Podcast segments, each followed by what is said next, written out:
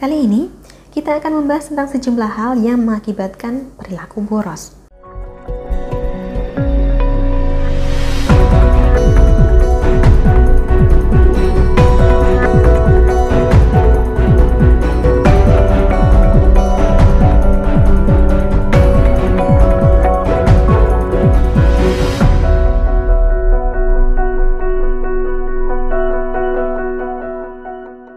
Salam Rahayu, dengan saya Dewi Sundari seperti biasa.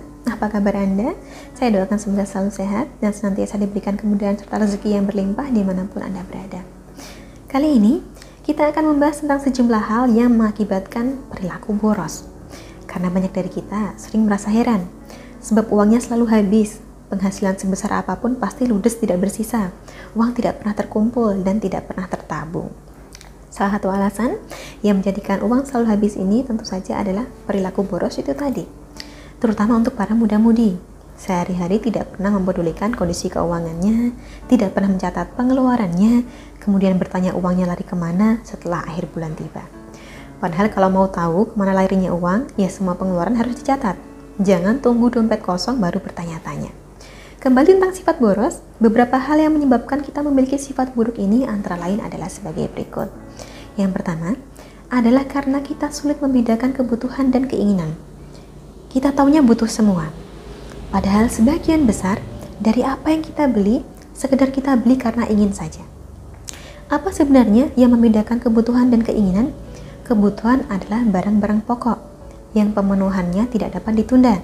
Sedangkan keinginan adalah hasrat untuk memiliki suatu benda murni karena ingin saja. Contohnya adalah baju dan perhiasan Baju dapat dikatakan sebagai sebuah kebutuhan, sedangkan perhiasan adalah keinginan. Kemudian yang kedua, banyak dari kita juga menjadi boros karena suka membeli barang bermerek. Barang-barang semacam ini sudah pasti harga per itemnya sangat mahal, dan tidak jarang barang tersebut sengaja dibeli hanya karena gengsi. Tabungannya belum tentu cukup untuk membeli barang tersebut. Dan kalaupun misalnya membutuhkan tas, tidak akan ada bedanya memakai tas harga ratusan ribu dengan tas harga ratusan juta. Lanjut ke penyebab ketiga, hal lain yang menyebabkan banyak dari kita hidup boros adalah karena terlalu sering ke restoran, bar, atau kafe yang sedang tren. Traveling memang tidak ada salahnya. Mencicipi kuliner baru juga tidak salah. Tetapi bila dilakukan terlalu sering, maka hal ini dapat menjadikan kondisi keuangan memburuk. Untuk menanggulanginya, lebih baik dijadwalkan saja. Kira-kira berapa kali dalam sebulan pengeluaran semacam ini masih bisa Anda tanggung? Misalnya hanya bisa disisihkan dua kali pengeluaran, ya lakukanlah hanya dua kali dalam sebulan. Selanjutnya, penyebab keempat yang menyebabkan kita boros adalah karena adanya keinginan untuk hidup di masa kini. Kaitannya dengan gadget, misalnya ponsel, yang memang modelnya berubah setiap waktu. Tiap hari ada yang baru, makin hari makin mutakhir. Padahal tidak semua fitur mutakhir tersebut betul-betul kita butuhkan. Jadi bila memang tidak benar-benar membutuhkan ponsel baru, sebaiknya simpanlah uang Anda untuk hal yang lebih penting.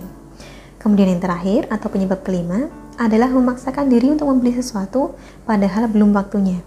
Yang paling umum masuk kategori ini adalah mobil. Kendaraan memang sebuah kebutuhan, tapi namanya kendaraan tidak harus mobil, yang penting mencukupi keperluan transportasi Anda. Namun ada kalanya, karena termakan iklan, termakan gengsi, termakan melihat teman yang sudah punya mobil sendiri, akhirnya Anda ngotot ingin memiliki. Padahal kalaupun benar-benar butuh mobil, misalnya untuk keperluan keluarga, maka belilah yang masih sesuai budget saja. Tidak perlu gegabah membeli mobil mewah.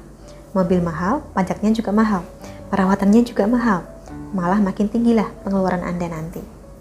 Intinya, jika kita tidak ingin hidup boros, maka pandai-pandailah mengatur keuangan. Biasakan diri untuk hidup sederhana.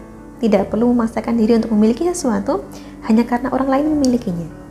Demikianlah kira-kira beberapa hal yang menjadikan kita hidup boros. Semoga Anda terhindar dari kebiasaan buruk ini dan selalu dilancarkan dalam rezeki. Akhir kata cukup sekian dari saya. Terima kasih banyak telah menyaksikan. Sampai jumpa di kesempatan selanjutnya dan salam berhayu.